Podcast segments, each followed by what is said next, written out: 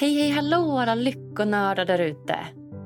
Agnes Sjöström här igen och ska förhoppningsvis få förgylla dina öron den närmsta timmen. Tack, tack, tack snälla du för att eh, just du är med mig och lyssnar. Jag hoppas verkligen ni ska uppskatta dagens samtal lika mycket som jag. För oj vad jag själv kunde relatera. Lyssna bara på de här orden. Din hjärnas uppgift är att lyssna på din kropp. Hur bra? Ja, det var extremt kloka ord som flödade ur veckans gästs mun. Snacka om relaterbart samtal där bland annat utbrändhet, drivkrafter och passion för idrotten nämns. Idag har jag fått äran att prata med den före detta professionella tennisspelaren Robin Söderling. Ett 37-årigt före detta tennisproffs vars främsta meriter är två finalplatser i Franska öppna och en vinst i Masters 1000-turneringen i Paris 2010. Ja, I de två första turneringarna besegrade han på sin väg till finalen de dåvarande världsettorna Rafael Nadal och Roger Federer. Robin har själv rankats som världens fjärde bästa tennisspelare i världen men trots det inte alls varit lycklig. Idag får ni följa med på proffsets livshistoria från hur tennisen började som något roligt, inspirerande och utmanande och blev till blodigt allvar. Vi pratar bland annat om varför din inre drivkraft både är a blessing and a curse. Varför du bör lyssna på kroppen mer än på hjärnan. Och hur du fortsätter utöva din idrott och samtidigt vara lycklig. Oh, wow, så himla relaterbart samtal som inte minst jag uppskattade till 100 procent. I jakten på att skapa den perfekta tennisbollen startade Söderling varumärket RS Sports som idag drivs av 14 anställda och är en framgångsrik webbshop. Och förutom tennisbollar så erbjuder även shoppen nya, moderna och funktionella tennis och paddeloutfits samt all typ av utrustning du kan tänkas behöva för ett lyckligt spelande. Ja, jag är själv ett stort fan av varumärkesprodukter och springer lyckligt runt i både tröja, kjol och klänning på paddelbanan. Och även racket har jag därifrån. Och det tycker vi du också ska få. Så därför erbjuder nu Söderling dig 25% rabatt på hela webbshoppen med rabattkoden Lyckopodden25. Så under tiden Robbe får förgylla dina öron med sina kloka ord tycker jag att du ska klicka dig in på www.rs-sports.com och beställa hem dina favoriter. Och det har jag gjort. Stort lycka till och varsågoda!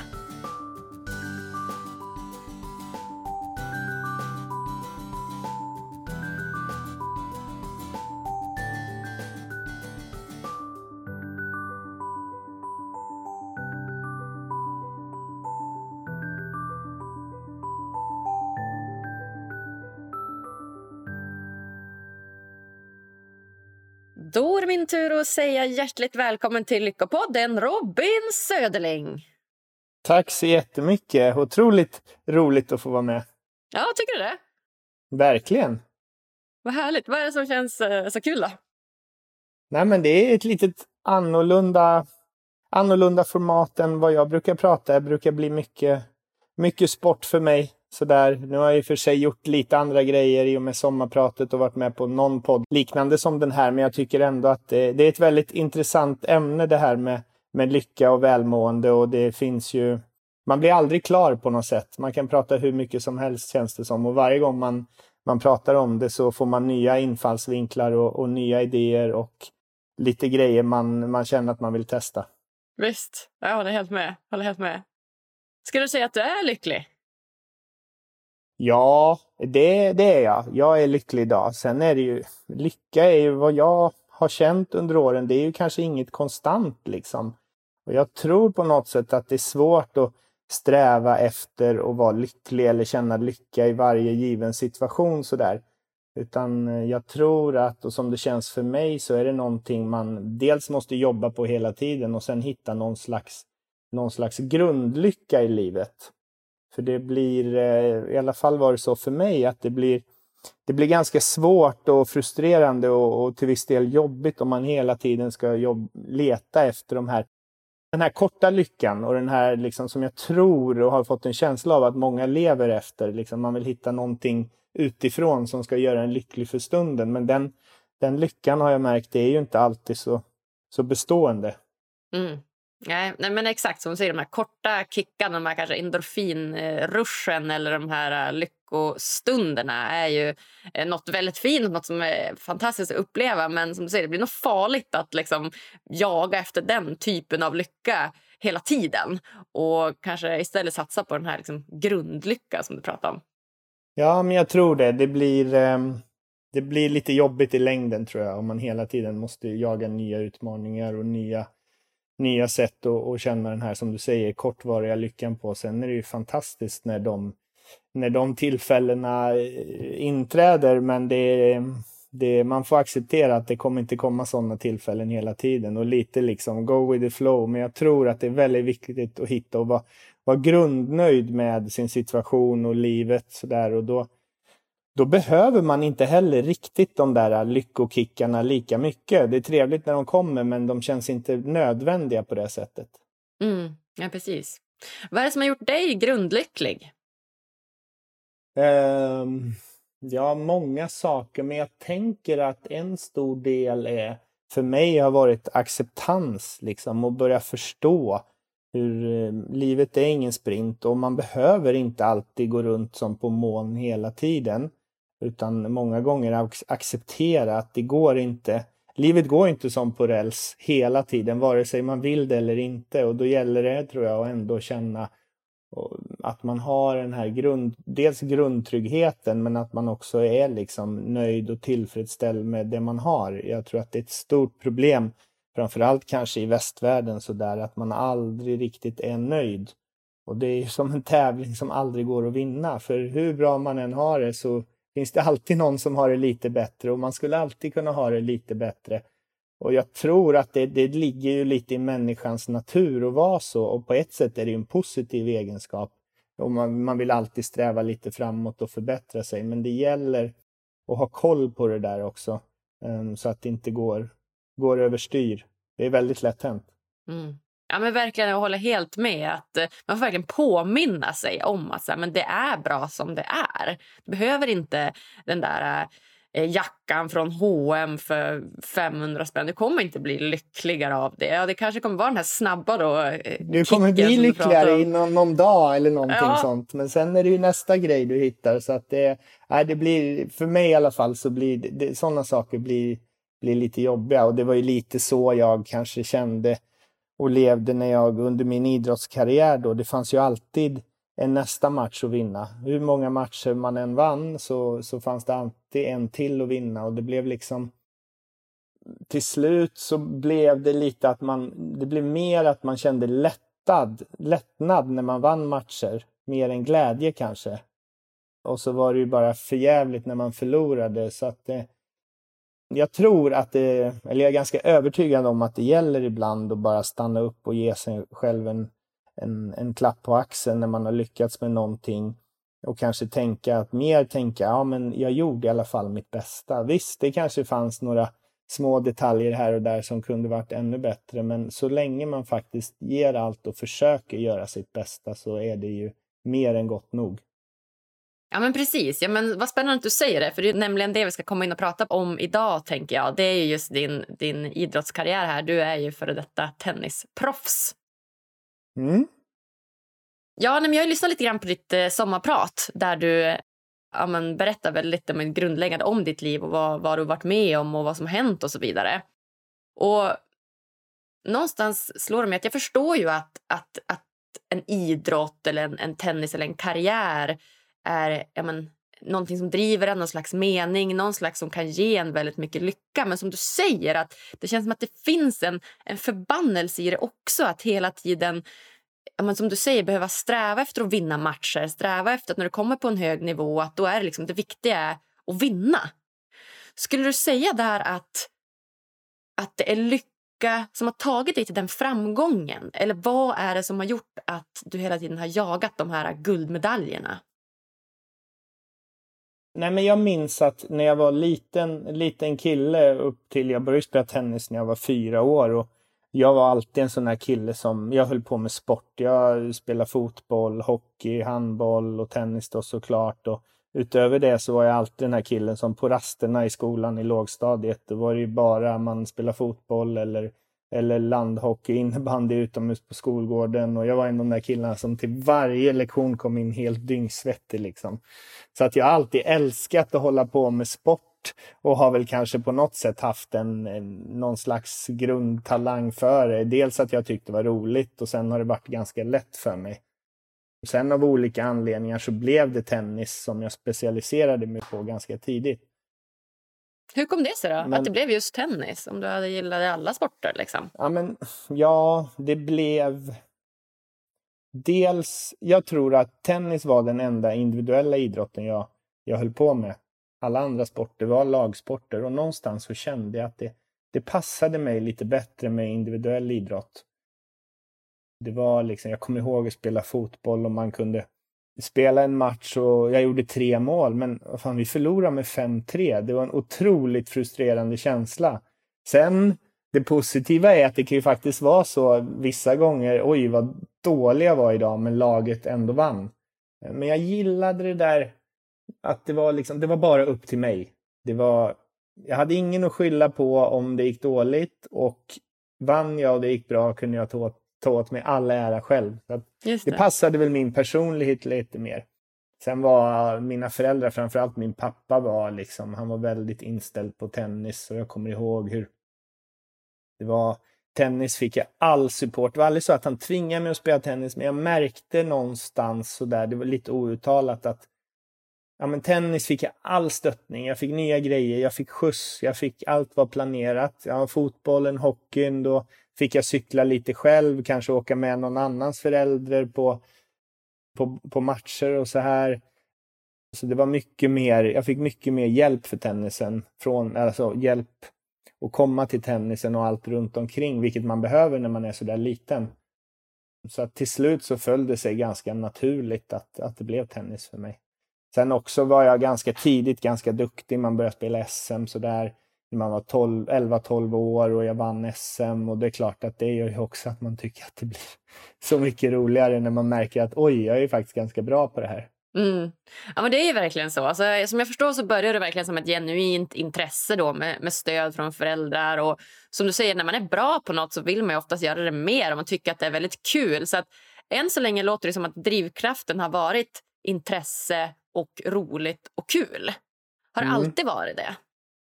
Nej, tyvärr så det där försvann ju ungefär några år efter skulle jag säga. Jag började väl spela som proffs när jag var 17, 18 sådär och det, när jag tänker tillbaka så var kanske det min, min absolut roligaste tid som professionell idrottare för då var allting nytt. Jag kommer ihåg hur man fick möta de här spelarna som bara några år tidigare hade jag sett på tv och de var liksom mina stora idoler och så helt plötsligt så mötte jag dem i tävlingar och vann många gånger mot dem och allt var så nytt.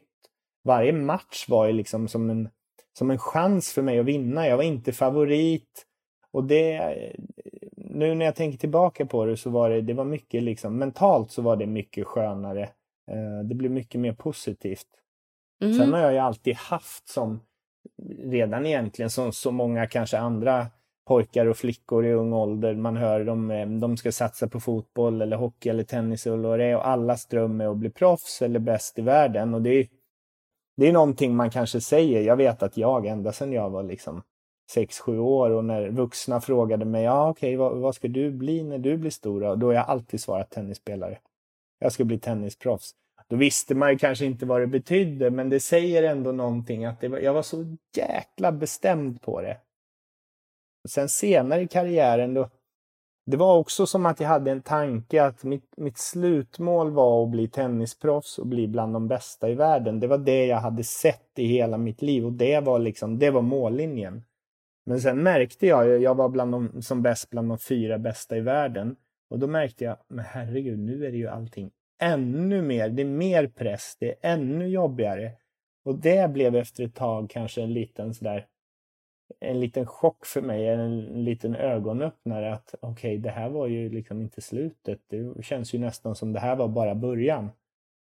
Och då med tiden så blev det lite jobbigare. Jag märkte det inte först, men kanske sådär något, något år eller till och med två år innan, innan jag fick sluta, då var det då var den här känslan att jag, jag tänkte några gånger, men det här är inte lika roligt längre. Det har blivit som ett jobb liksom. Och det jag gillar ju den här pressen man utsätts för hela tiden. Det gå in på en stor bana med 20 000 åskådare och eh, det är någonting jag kan sakna idag. Samtidigt så är tennisen en sån sport, den är tuff på det sättet för att det finns ingen riktig, om du tittar på sporter som ja men, skidåkning eller fotboll, de har ju ganska långa perioder där det inte är tävlingssäsong. Då man ändå får chansen att vara hemma, man kommer ifrån det lite. Inga tävlingar, man kanske inte känner riktigt samma press, man får vara hemma och träna och då får man ju den där återhämtningen. Tennisen går ju säsongerna egentligen ja, i ett egentligen. Det är några veckor i december där det, där det inte är tävlingar och sen är det dags på det igen direkt i början på januari och det blev liksom i längden väldigt jobbigt för mig. Jag fick inte den där återhämtningen mentalt som jag kanske skulle ha behövt. Mm, jag förstår. Okej, okay. vad spännande. Det hade jag ingen aning om att tennis är liksom så över hela, hela året.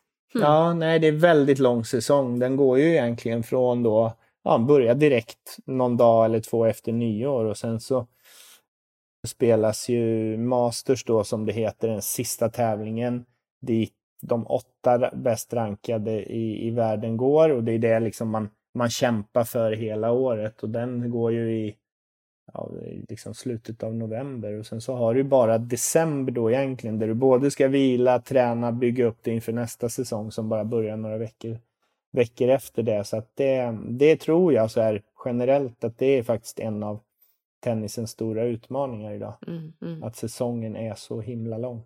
Ja, ja. ja spännande. All right, så att okay, det börjar ju som någonting kul, något intresse. Sen säger du, och det var liksom vid 18-19 års ålder. När slutade du? Hur gammal var du då? Jag spelade min sista match redan när jag var 27. 27, precis. Mm. Så om du tänker från 18, 19 till 27, det är ju, är ju ganska många år då. Och ja, då, då någonstans så gick det över då från att vara kul och en hobby, kanske du kunde ja, men vinna matcher och inte, kanske vara lite underdog, inte ha den här liksom, pressen på sig. Hur kom det sig att du valde att fortsätta ändå trots att här, de här åren att det kanske inte var lika kul? Vad var dina drivkrafter att fortsätta? Det var ja, men några anledningar. Dels så var det, det fanns aldrig som det fanns aldrig som ett alternativ för mig att sluta. Jag var ju, jag var som bäst och jag tänkte, jag vet att jag tänkte många gånger, jag har nått min dröm. Jag får vara med och vinna de största tävlingarna, möta de allra bästa spelarna i världen och jag är faktiskt en av dem. Och då liksom, det fanns, det skulle inte funnits på kartan att jag, att jag skulle bara sluta då bara för att jag tyckte att det inte var lika roligt längre. Mm. Ehm, så det var väldigt många år jag jag, jag kämpade mig igenom det där um, och trodde att det skulle funka. Jag vet några gånger jag sa ja nu är jag 26, 27. Hur lång är en, hur lång är en tenniskarriär ungefär? Ja, men de flesta slutar ju kanske när de är 32, 33. Ja, vissa upp till 34, 35. Jag tänkte okej, okay, men det är ändå fem, sex år kvar. Jag får, jag får försöka hålla ut här nu i fem, sex år. Och det var ju den, den känslan gav ju mig också väldigt dåligt. Alltså den, den känslan gav mig ännu sämre känslor egentligen för att jag kunde tänka så här, men herregud, vad, det här, jag har ju nått min dröm liksom. Det är det här jag har kämpat för. Och ändå så är jag inte liksom glad och ändå så tycker jag inte att det här är helt fantastiskt.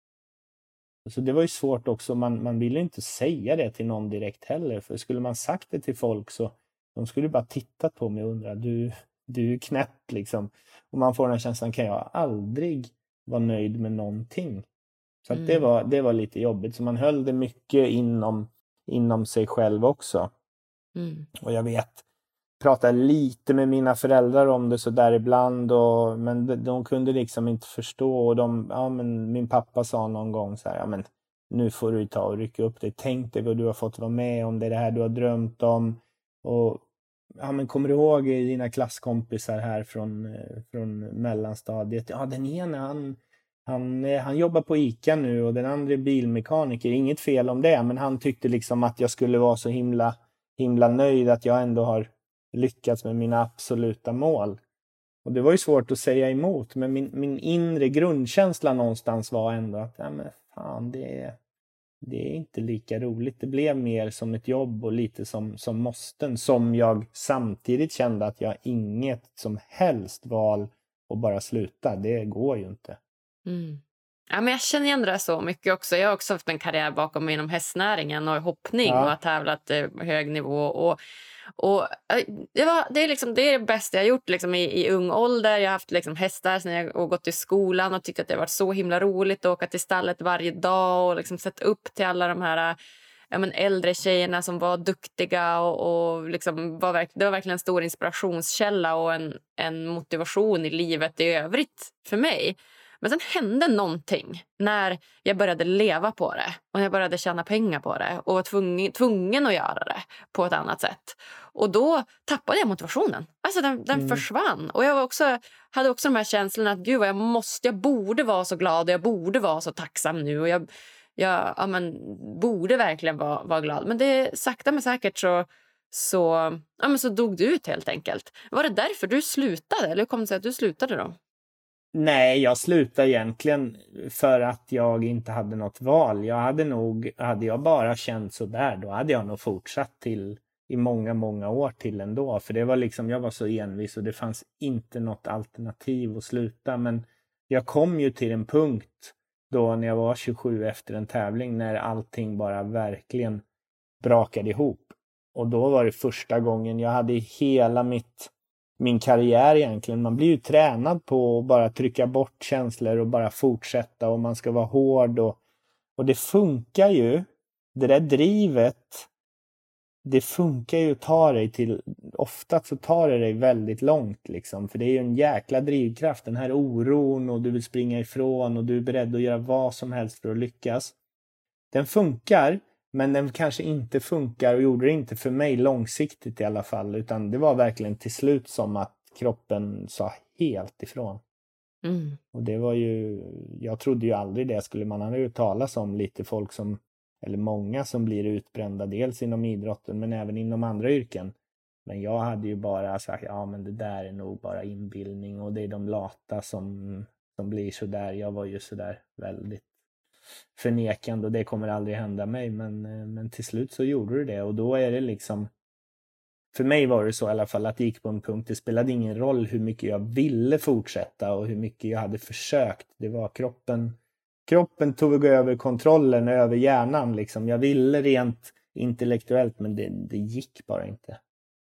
Jag kommer ihåg hur jag ja, men från, från att ha vunnit en tävling och orkat spela matcher varannan dag som höll på i fyra, fem timmar till bara någon vecka efter inte orkade gå upp för en trappa. Shit, hur kändes det när du kom till den insikten? Ja, men insikten kom jag nog inte till direkt, utan det var... Jag vet att jag hade när man, jag blev så fruktansvärt dålig och mådde så dåligt under väldigt lång tid. Och en insikt som jag fick ganska tidigt efter några månader att så här kan jag inte må. Det var nog första gången på väldigt, väldigt länge jag tänkte så här att kanske inte tennisen är det viktigaste ändå. Jag hade ju varit så inne i min tennisbubbla så det enda jag brydde mig om var egentligen hur, hur jag presterade på tennisbanan det blev som alla beslut jag tog. Liksom, ah, men, kan jag äta det här äpplet nu? Är det bra för min tenniskarriär?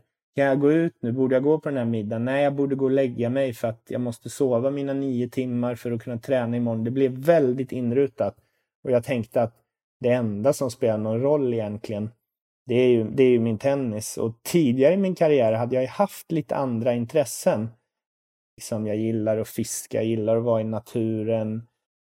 Jag tycker om bilar.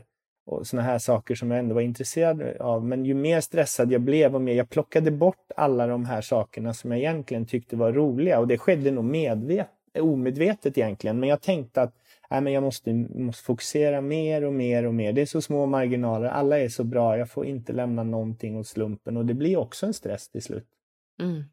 Ja, verkligen. Ja, det, det, var nog, det är nog en grej som hände för mig också. Just det här att liksom allt, 100 fokus går bara åt sin idrott. Och som du ser, man plockar mm. bort andra saker i livet som är viktiga. Och något som jag som verkligen... ger återhämtning egentligen. Exakt, exakt som är återhämtning. Och verkligen, ja. det, för jag drivs väldigt mycket i mitt liv på, av saker som jag tycker är roliga. Det är det jag vill lägga mm. mer tid mm. på. Men för att det ska vara kul så behöver du också den här pausen från det, återhämtningen från det. Så att du kan göra något helt annat ett tag bara för att ja, men känna den här inspirationen och motivationen igen. Absolut. Mm.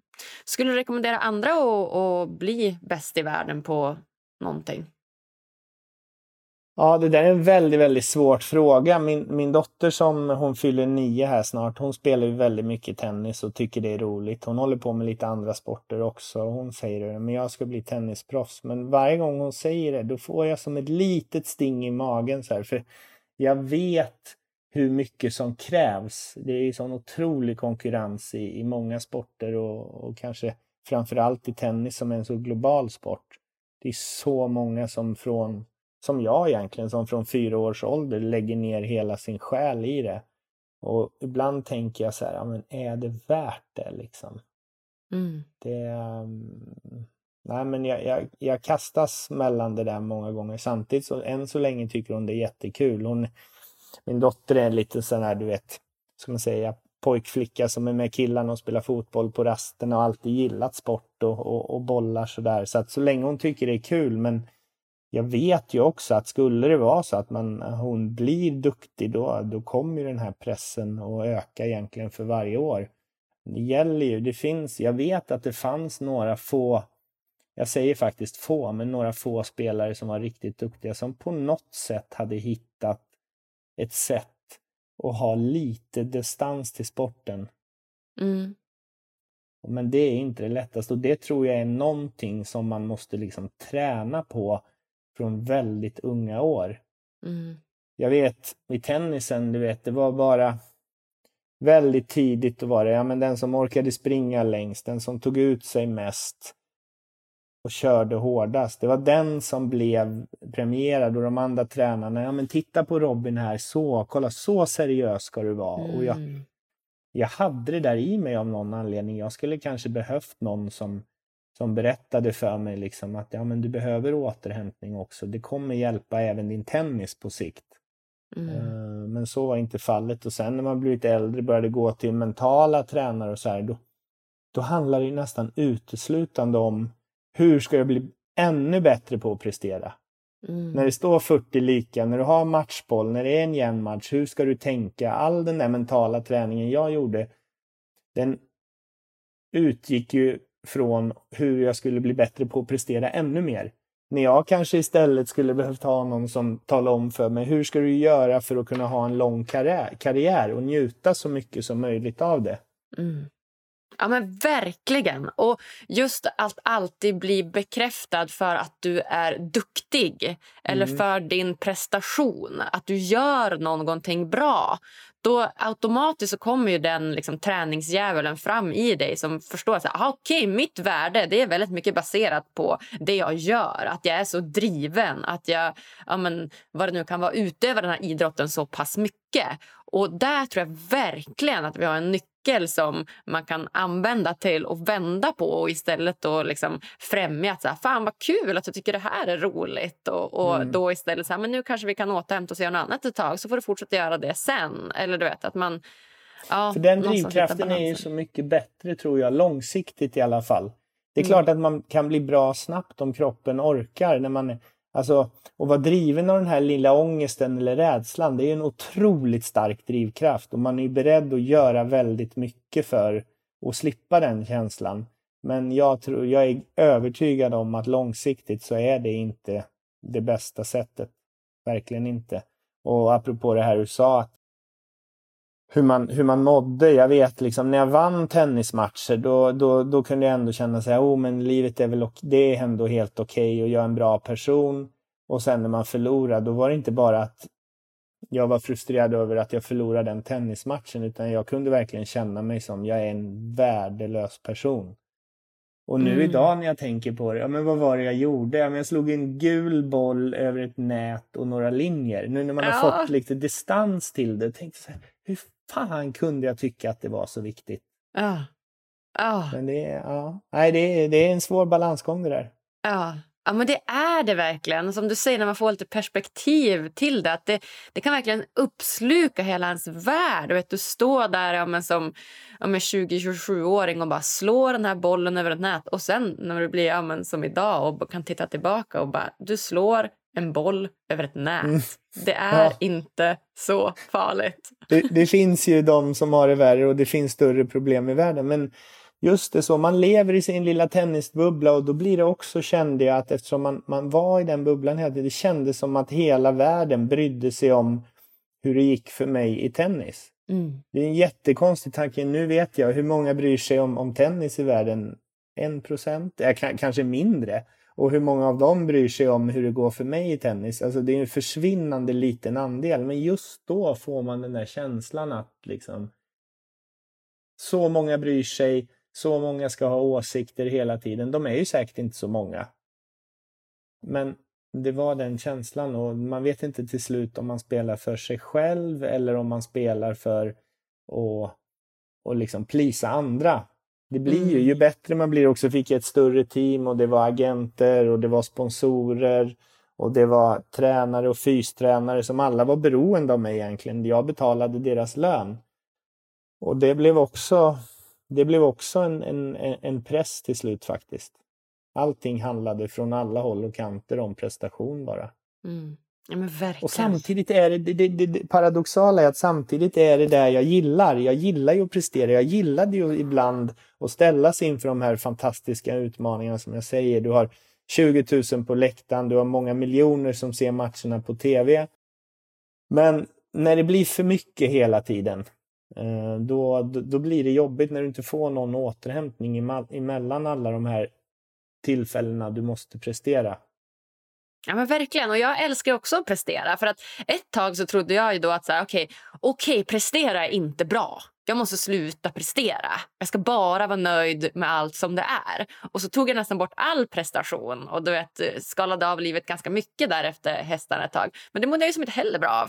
Så jag älskar ju... Nej, så, så tror jag i längden är inte roligt att leva heller. Och vi är ju så. Jag tror människan överlag är ju så. Vi vill ju framåt.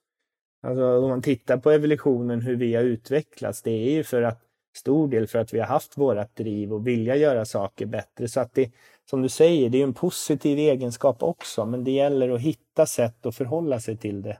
Mm. Verkligen, verkligen. Så spännande. All right, så att om man då ska tala till dem som är väldigt bra på en idrott, som eh, är ja, men, i början av sin, sin karriär egentligen fortfarande har det här drivet och känner att det faktiskt är kul fortfarande. Vilka varningssignaler tycker du att, eh, att man behöver hålla lite utkik på så att det inte blir så att man presterar utan att det är kul och utan bara presterar? Ja, men lite som man kan se vissa barn och ungdomar, de går in i något slags, något slags robotmode liksom. De är där, eh, visar inte några riktiga känslor utan bara de, de kämpar och gör allt och, men man ser inte riktigt den där glädjen.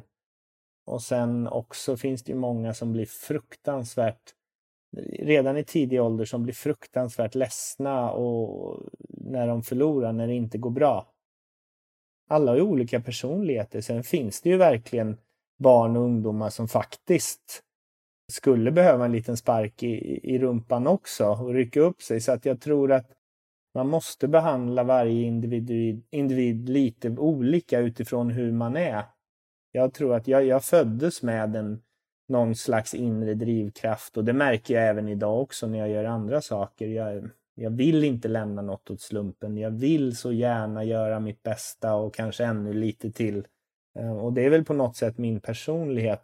Men jag tror att det är viktigt för tränare idag i, nu är jag väldigt insatt i tennisen, men jag tror i andra sporter också att man, man, man tidigt pratar om det mentala som något positivt, som att det är faktiskt någonting, hade någon sagt till mig ja, men det här är faktiskt, om vi jobbar på det här, du hittar, det kommer vara bra för din tennis. Du kommer till och med kanske vinna mer matcher. Du kommer ha en längre karriär. Om någon hade motiverat mig med det istället, istället för att säga ja, men det, du måste ta det lite lugnt ibland och vila. Jaha, varför då? tänkte jag. Alla andra tränar ju. Om jag vilar är det alltid någon annan som tränar någon annanstans. Då blir han bättre. Men hade någon förklarat för mig att ja, men jag lovar, mer är inte alltid bättre. Ibland kan du du kommer faktiskt kunna bli en bättre tennisspelare om du tar lite perioder ibland där du gör andra saker och vilar och ser till att återhämta dig. Då kanske jag hade lyssnat på ett annat sätt. Mm, verkligen. Ja, den här mentala biten. Och den, den kom till mig också ganska sent. Den här, den här mentala coachning-arean eh, den kom ganska sent. Så det är nog bra att få ner den ganska ganska tidigt och snabbt ner i åldrarna också. Att man får liksom, ja, men öppna ögonen för det mentala välmåendet också. Ja, det är jag övertygad om. Det är då man sätter grunderna. Dels som idrottare, men även, även grunderna hur man, hur man ska tänka kring, kring saker och ting. Och det där, jag tror mycket på det där. Hur ska man kunna ha en lång karriär och ändå må så pass bra som möjligt under tiden du måste prestera. För pressen och det, ska du liksom vara en professionell idrottare och det är ju säkert, nu pratar vi mycket idrott här, men det, man märker ju att det, det finns ju så många andra yrkeskategorier i, i världen också. Det, du, kan ju, du kan ju bli utbränd utan att ta ett steg om du bara sitter framför datorn varje dag. Ja, ja. Så att det är, det är samma mekanismer liksom. Mm. Ja, men det är det. Det är utbrändhet om det är en idrott eller om det är på ett jobb. Det är ju så himla utbrett idag. Det spelar ju som ingen roll. Så att det är så viktigt att, att lyfta de här frågorna. Men du beskriver om en situation i ditt sommarprat. Jag undrar om vi har varit inne på det lite grann. Det är just den här sensommaren 2011. Mm. Du är i New York och eh, du ska spela US Open. Och istället för att vara laddad som ett lejon och tagga upp för match så gråter du. Och du kan ju inte sluta gråta. Du beskriver att du, du har ingenting, ingenting kvar, som jag varit inne på. Och varje gång det har tagit emot med tennisen, Edda, sen du var barn så ja, men, har receptet varit detsamma oavsett om det handlar om fysisk smärta, eller feber eller nervositet. Du berättar att ja, men, allt, det, allt har gått att bota genom att trycka på lite till. Träna lite hårdare, fokusera lite mer. Men nu har du inga krafter kvar att ta av. Nej, det var verkligen precis så. Det var ju de verktygen jag hade och de hade funkat under en väldigt, väldigt lång, lång tid under min karriär. Men det var just, ja, jag, jag var faktiskt i New York. Egentligen så var det en tävling här hemma i Sverige, i Båstad faktiskt, några veckor tidigare. Efter den tävlingen, jag vet att jag kände mig egentligen, jag hade känt mig mer eller mindre några månader hade jag känt att ja, men det är någonting som inte är bra. Jag fick mycket infektioner, förkylningar. Jag tyckte det var riktigt tråkigt med tennis faktiskt. Men, och, men jag fortsatte och jag presterade ganska bra av någon anledning. Och sen kom jag till den här tävlingen i Båstad och det var jag kände bara att någonting var väldigt fel. Jag hade svårt att sova, jag var orolig, jag mådde verkligen inte bra, men jag hade ändå någon slags energi och jag, jag vann faktiskt den tävlingen. Men sen var det som att precis efter allting, prisutdelning och eh, presskonferenser och grejer och sen när jag satte mig i bilen för att åka, åka till Stockholm då, då bara när jag kände, det var som på en given signal när jag kände, jag vet att jag fick en tanke så här, ja men nu är det ändå tre veckor kvar till nästa tävling, nu kan jag slappna av lite. Och då var det som att kroppen bara släppte upp allting. Allting bara kom. Och jag blev riktigt, riktigt dålig. Och ändå trots det, jag kom ju knappt ur sängen, men ändå trots det så jag är tre veckor senare i US Open och jag bara, nej, men jag ska dit. Och jag vet hur jag liksom knappt tog mig till flygplatsen och flög över och trodde jag skulle kunna spela, men det var jag vet kvällen innan när jag skulle spela min första match, det var, jag brukar säga det, om någon hade haft en pistol mot mitt huvud och sagt du måste gå in på banan annars så, annars så skjuter jag dig. Det hade inte gått ändå. Det var liksom, det, det var helt omöjligt. Som du säger, jag bara, det var bland, jag bara grät och bara tanken inför att ställa sig inför ett enda litet krav till fick mig att bryta ihop fullständigt. Och så det här kombinerat med en otrolig malande ångest som jag egentligen inte visste var den kom ifrån. Nej, det var en, en fruktansvärd period. Mm. Jag förstår det. Jag förstår det.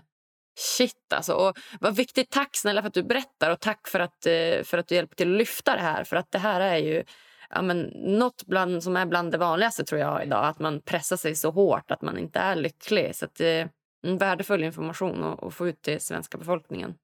Ja, vad roligt att du säger det och det är någonting som nu när man har börjat att sätta in sig i det lite mer och liksom läsa om det och man hör om det i och med att jag själv har pratat om det i sommarpratet så har jag fått många som har hört av sig, både idrottare och även personer inom andra yrkeskategorier. Så man märker ju verkligen hur vanligt det är. Ja. Ehm, så att det var egentligen därför en stor del till varför jag valde att prata om det och framförallt göra samma eh, sommar, sommarpratet. Det var ju för att ja, men, jag vet hur otroligt dåligt jag mådde och jag lyckades faktiskt få tag i två stycken kompisar som hade gått igenom liknande situationer. En genom, han var också jätteduktig på idrott i en annan idrott och en som bara i princip hade jobbat 24 timmar om dygnet i många, många år.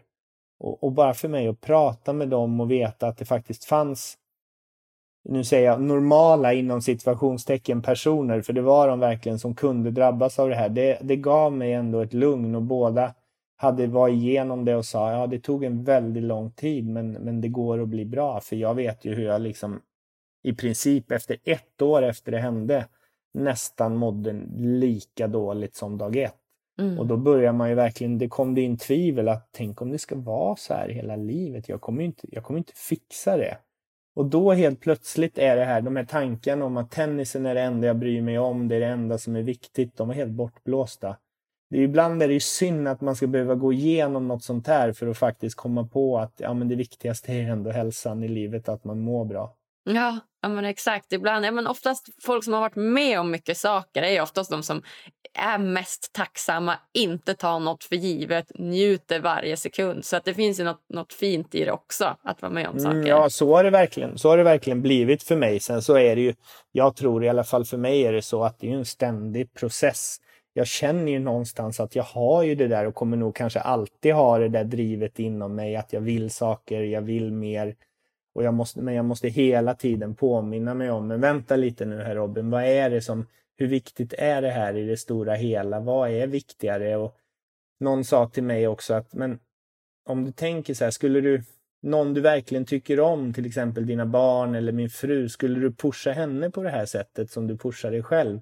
Nej, det skulle man aldrig nej. någonsin göra. Men, men när det handlar om sig själv, då har man liksom, då är det bara, nej men man kan, jag har den där känslan att man kan, man kan pusha sig hur mycket som, som helst. Men man ska ju vara lika man ska ju egentligen vara lika, ta, ta lika mycket hand om sig själv och vara lika rädd om sig själv som man är om nära och kära.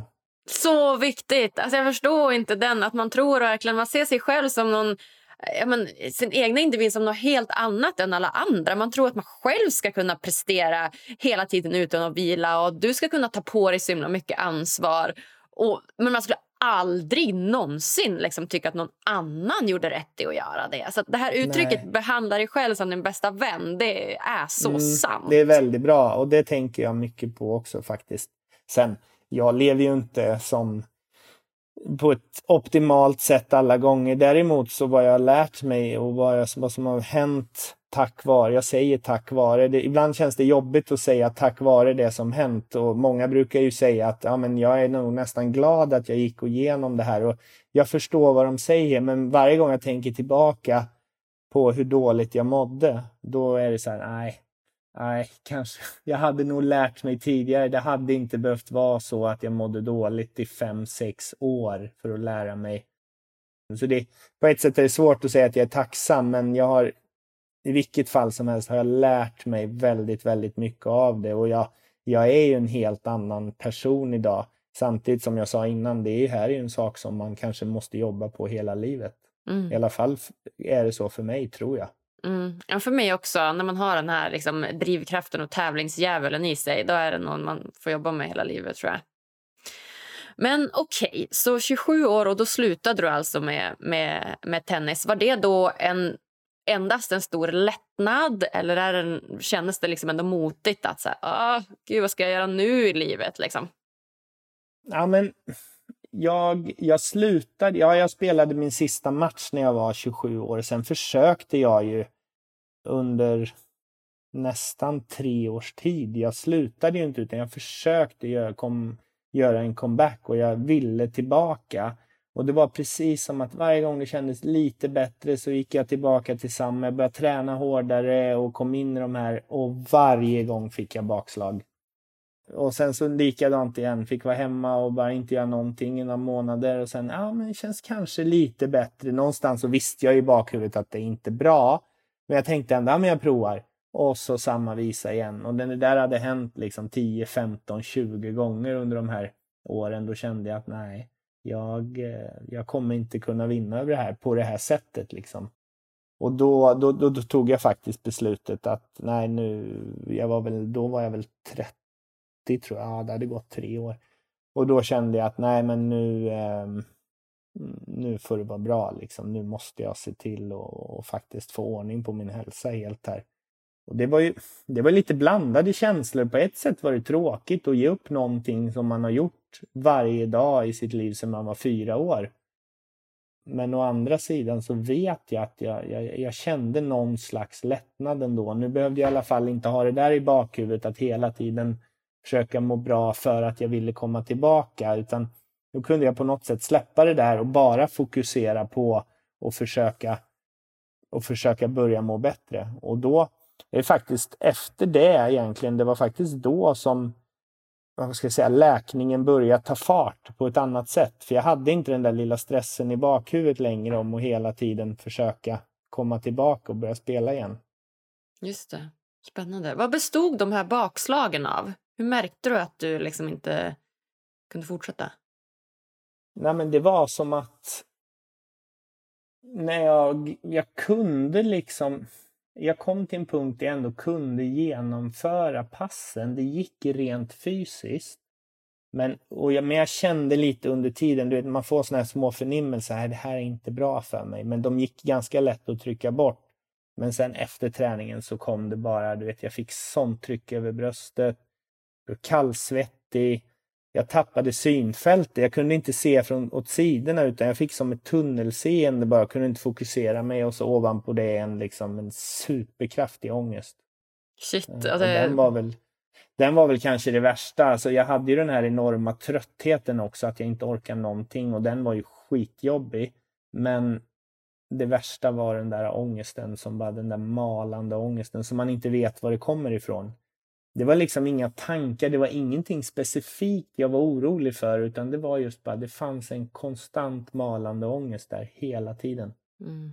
Ja, shit. Ja, verkligen klassiska symptom på utbrändhet alltså. Verkligen. Ja, verkligen. Och man vet ju någonstans här att ja, men det är ju vila och sova jag behöver. Men när man har den där, kroppen är så uppvarvad. Det var som att min av och på-knapp, knappen mellan aktivitet och återhämtning som ska finnas där, den var helt ur spel. Liksom. Den var så himla lätt-triggad till aktivitet men det tog så lång tid att få ner den i, i kroppen i vila igen, i återhämtningsfasen. Så att jag hade enorma sömnproblem också och det blev ju en stress i sig när man vet att jag måste sova. Men jag kunde inte sova. Och ändå var jag supertrött. Mm. Ja, oh, shit vilken stress. Och Man märker så tydligt den här konflikten mellan intellektet, hjärnan, huvudet och kroppen. Det kroppen säger till en. Och Jag tror generellt sett så behöver alla bli bättre på att lära sig känna sin kropp och det som känns och lyssna mer mm. På, mm. på känslan än bara på måste, en borde, ska, tycker, bättre, framgång. Och att faktiskt känna efter och leva mer efter efter den inspirationen. Det är i vart fall något som jag försöker lyssna på. Alltså min kroppsliga inspiration. Vad känner jag? det där tror jag helt och fullt på också. Jag vet faktiskt en, en, en psykolog som jag gick till under lång tid sa till mig att ja, men, du är inte unik, du är som oss flesta andra. Vi lever mycket i, i, i huvudet och hjärnan och vårt intellekt och vi tror att det är det som bestämmer. Men egentligen är ju faktiskt huvudet och hjärnan är faktiskt bara en, en tjänare till kroppen. Mm. Eh, Exakt. Man försöker lösa problemen intellektuellt men nu det är kroppen säger ifrån och då spelar det ingen roll till slut vad du tänker med din hjärna och hur du försöker lösa situationen utan det är ju liksom kroppen bestämmer och hjärnan är bara liksom en, en problemlösare och en en slav till kroppen egentligen. Ja, bra. Så tror jag verkligen man ska se det. Ett, kroppen. Två, hjärnan. Att vi börjar med kroppen, känner in och sen får hjärnan liksom lösa det kroppen säger på något sätt. Mm. Ja. Och sen var det en jobbig situation för det jag var i kroppen var ju helt liksom i uppror. Och hjärnan är ju, den slutar ju aldrig, den försöker ju hitta lösningar men det blir jobbigt till slut när du, du kan inte komma på en, en, en kortsiktig lösning. Utan det är verkligen det är kroppen som kroppen bestämmer. Mm, kroppen bestämmer. Mm. Älskar du tennis? Ja, men det gör jag. jag. Jag tycker tennis är roligt. Jag spelar tennis nu några gånger i veckan sådär. Och visst, ibland så kan jag ju se när man tittar på matcher och det är fortfarande, finns det ju, inte så många nu längre, men några som, som är faktiskt i min ålder och sådana jag mötte som fortfarande spelar tio år senare och då kan jag tänka så här, herregud, hur har de liksom, tio år har gått och de är fortfarande där.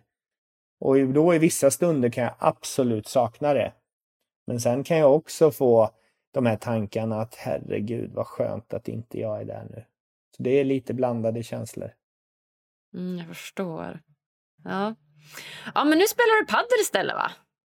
Ja, ja, jag blandar lite. Jag spelar både paddel Paddel och tennis, det är ju, jag var lite motståndare till paddel ett tag där. Jag tänkte att ja, men det där är ju bara en sport för de som inte kan spela tennis. Men sen provade jag för några år sedan och sen så, nej det är ju superroligt. Jag förstår att det har blivit så populärt. Var och varannan, var och varannan människa spelar ju paddel nu för tiden och det är, det är faktiskt jätteroligt. Så att det, jag spelar en hel del paddel.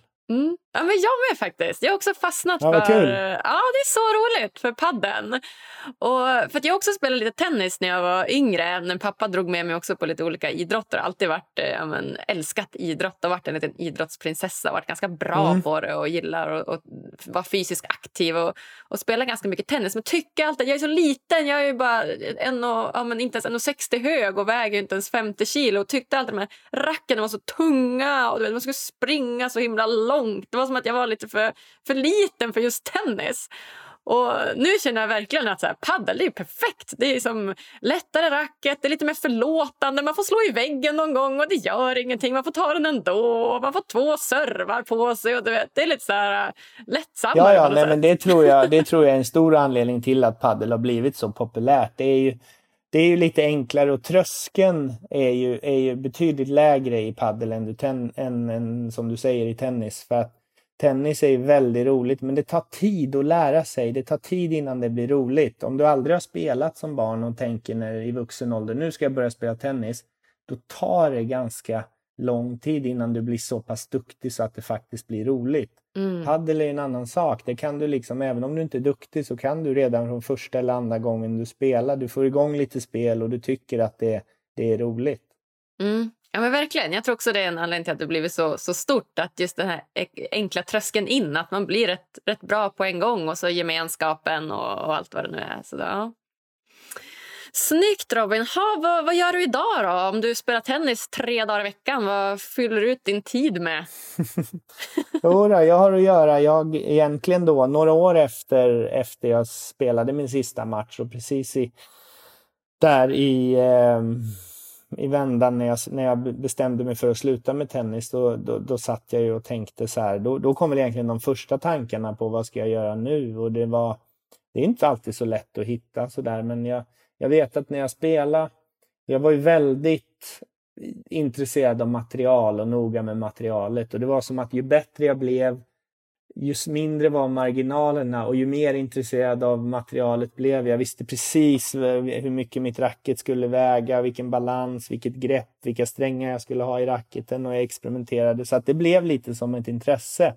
Och då när jag satt där då efter några år efter jag hade slutat och funderade, okej okay, vad ska jag göra nu? Då, då kom jag faktiskt på, jag hade fått en fråga många år tidigare av någon journalist på någon presskonferens. Det hade varit snack om, om, om tennisbollarna i just den tävlingen. Då frågade han, men vilken är den bästa bollen egentligen? Frågade han. Och jag kunde inte riktigt svara på det. Det fanns ganska många bra tennisbollar där ute som man spelade med, men ingen som jag kände sån här, den här är en grym tennisboll. Racketar och andra material, det visste jag vad jag gillade, men inte, och då kom den där frågan upp, att jag kommer ihåg det där att jag hade fått den här frågan och tänkte jag så här, undrar om, undrar om man kanske kan ta fram en tennisboll själv som, som jag tycker är liksom per, den perfekta tennisbollen. Och egentligen började det lite som ett, som ett skojprojekt. Jag började leta efter fabriker. Okej, okay, vilka är de bästa fabrikerna? Vilka tillverkar de bästa tennisbollarna? Och så började jag och det tog, jag är ganska glad nu idag att jag inte visste hur lång tid det skulle ta. Det tog typ drygt ett och ett halvt år att få fram den färdiga produkten. Och sen när jag hade den och jag spelade med den och jag, och jag kände att den här är jättebra och jag lät liksom både dels kompisar spela med den och jag skickade även ner den till ja, de bästa spelarna i världen och feedbacken var fantastisk. Och då var det en, en, en kompis till mig som nu, som nu är VD i, i vårt företag här som sa att ja, men ska du inte försöka Ska du inte starta ett företag och börja sälja bollen? Ja, jag vet inte, så jag. hur gör man det? Så här, ja, men jag kan hjälpa dig lite. Och det, var ju, det gick väldigt fort i början. Dels så vi kom ut och vi fick mycket intressen från, i och med att jag fortfarande, det var inte så länge sedan jag hade slutat, så kom intresse. Wall Street Journal ville skriva om det och många så här New York Times, många stora tidningar och fick väldigt mycket gratis publicitet av det. Och sen tog det fart faktiskt och på bara några år så, så var vi störst. I, I början sålde vi nästan bara i Sverige och då var vi störst på tennisbollar i hela Sverige faktiskt.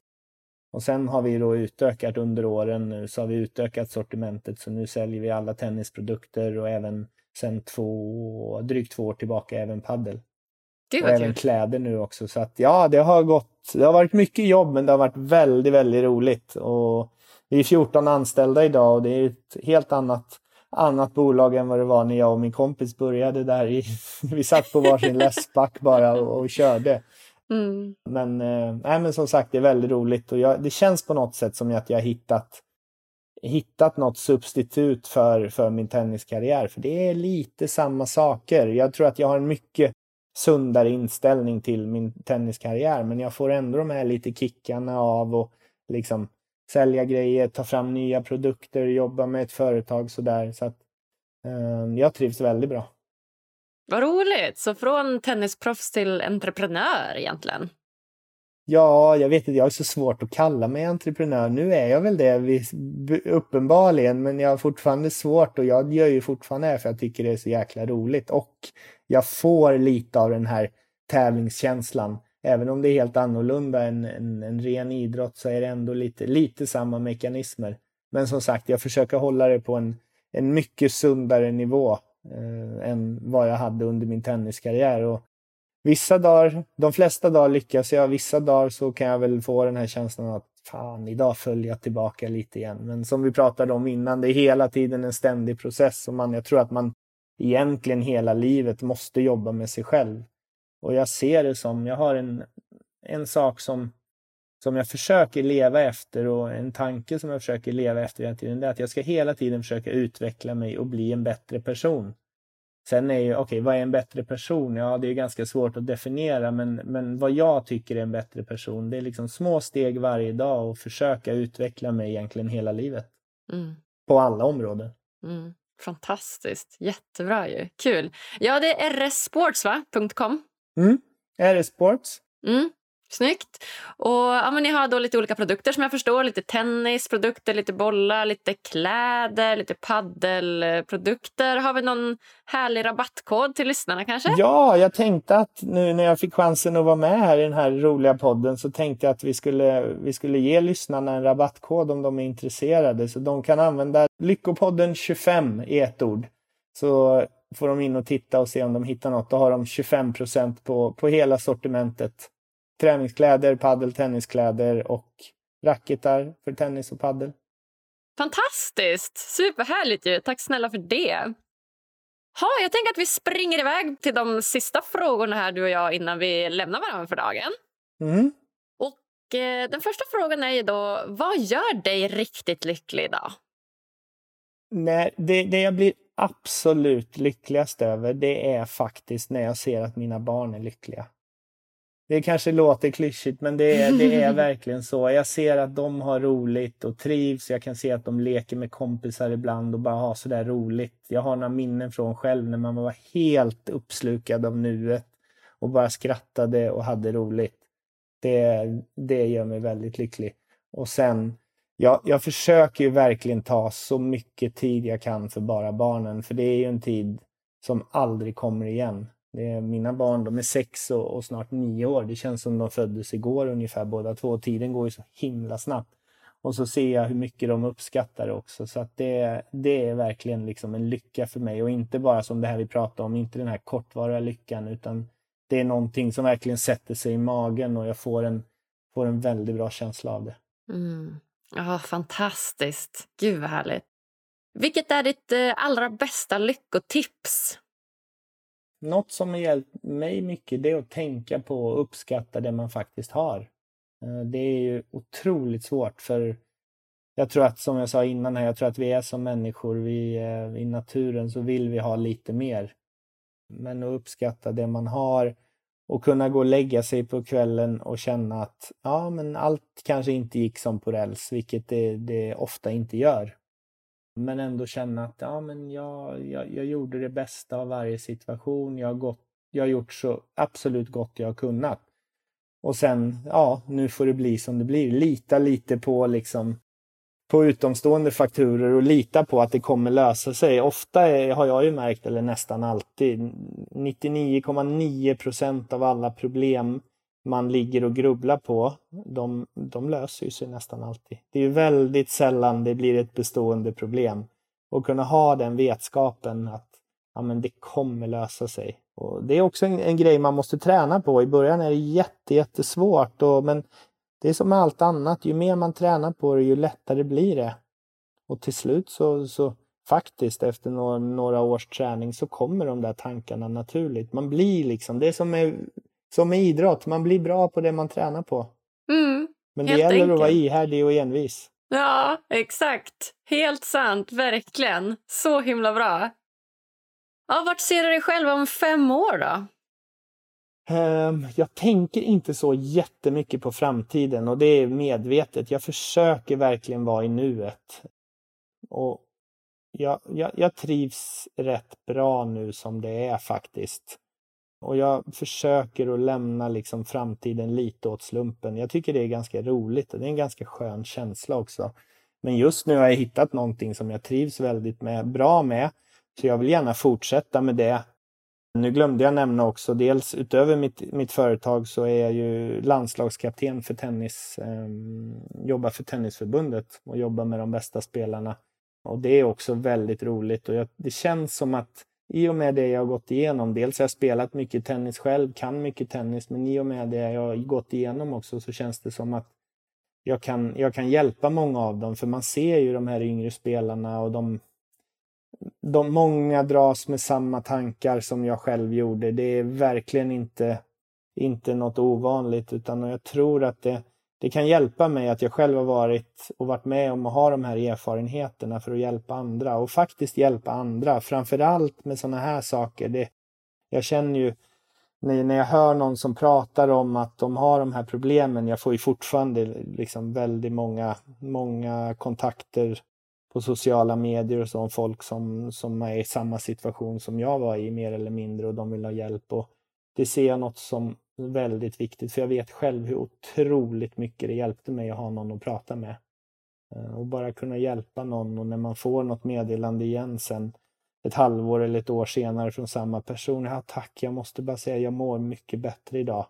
Det, det är också lycka. Det, mm, jag tror att man, man man underskattar det där. Många samhället idag är så himla uppbyggt på att man ska, man ska göra det så bra som möjligt för sig själv och man är, många är väldigt, väldigt egoistiska på det sättet och man har liksom inte tid att se andra. Men, men riktig lycka, en lycka som är svår att faktiskt uppnå, just en sån känsla av lycka, lycka, det är faktiskt när man får möjlighet att hjälpa andra som mm. har det svårt.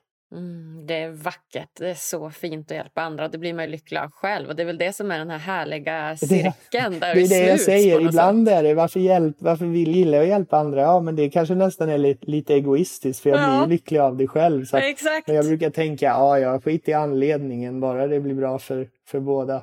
Ja, men jag tänker det. Då är cirkeln sluten. Det blir bra för dig, det blir bra för dem och så blir det att man vill göra mer av den spiralen. Så det är ju, det, är ju det fina i livet. Mm. Mm. Ja, gud, så fantastiskt eh, samtal det här var, eh, Robin. Känner du att... Eh, ja, det... vad kul. Det tycker jag också. Ja, men jag tycker det var så himla spännande. Det känns verkligen som att vi fann varandra och ja, men har så mycket att babbla om här. Men, ja, men slutligen, är det något så speciellt som du känner att du vill dela med dig av till lyssnarna då, som du inte har fått säga än? Nej, men ett bra tips kanske som har hjälpt mig mycket det är att så här, ta varje dag på kvällen och, och, och, och tänk igenom dagen lite och fokusera och fokusera på det som faktiskt har varit bra. För vilken skitdag man än känner att man har haft så finns det alltid saker som har varit positivt och som har varit bra. Och det är så himla lätt att man bara fokuserar på de där negativa sakerna. Men att man också liksom tränar sig på att fokusera på det som har varit positivt. Det, Alltså det är så nästan konstigt att jag säger det här nu, för hade vi suttit för tio år sedan och pratat om det här hade jag bara, men det där är bara humbug liksom, ja. det där funkar inte. Men, men det funkar med de erfarenheter jag haft, så det funkar faktiskt. Det kanske mm. inte funkar dag ett liksom, men om man kan vara ihållig och verkligen se de bra sakerna som händer och kanske fira lite i vardagen bara, liksom. ge sig själv en klapp på axeln ibland då, ehm, då kommer det gå lättare och lättare och över tid så, så får man faktiskt en annan känsla. Helt, helt sant Robin. De orden får avsluta Lyckopodden. Jag säger bara tack snälla så hjärtligt mycket Robin för att du kom och gästade mig här på Lyckopodden. Tack själv, så roligt att jag fick vara med.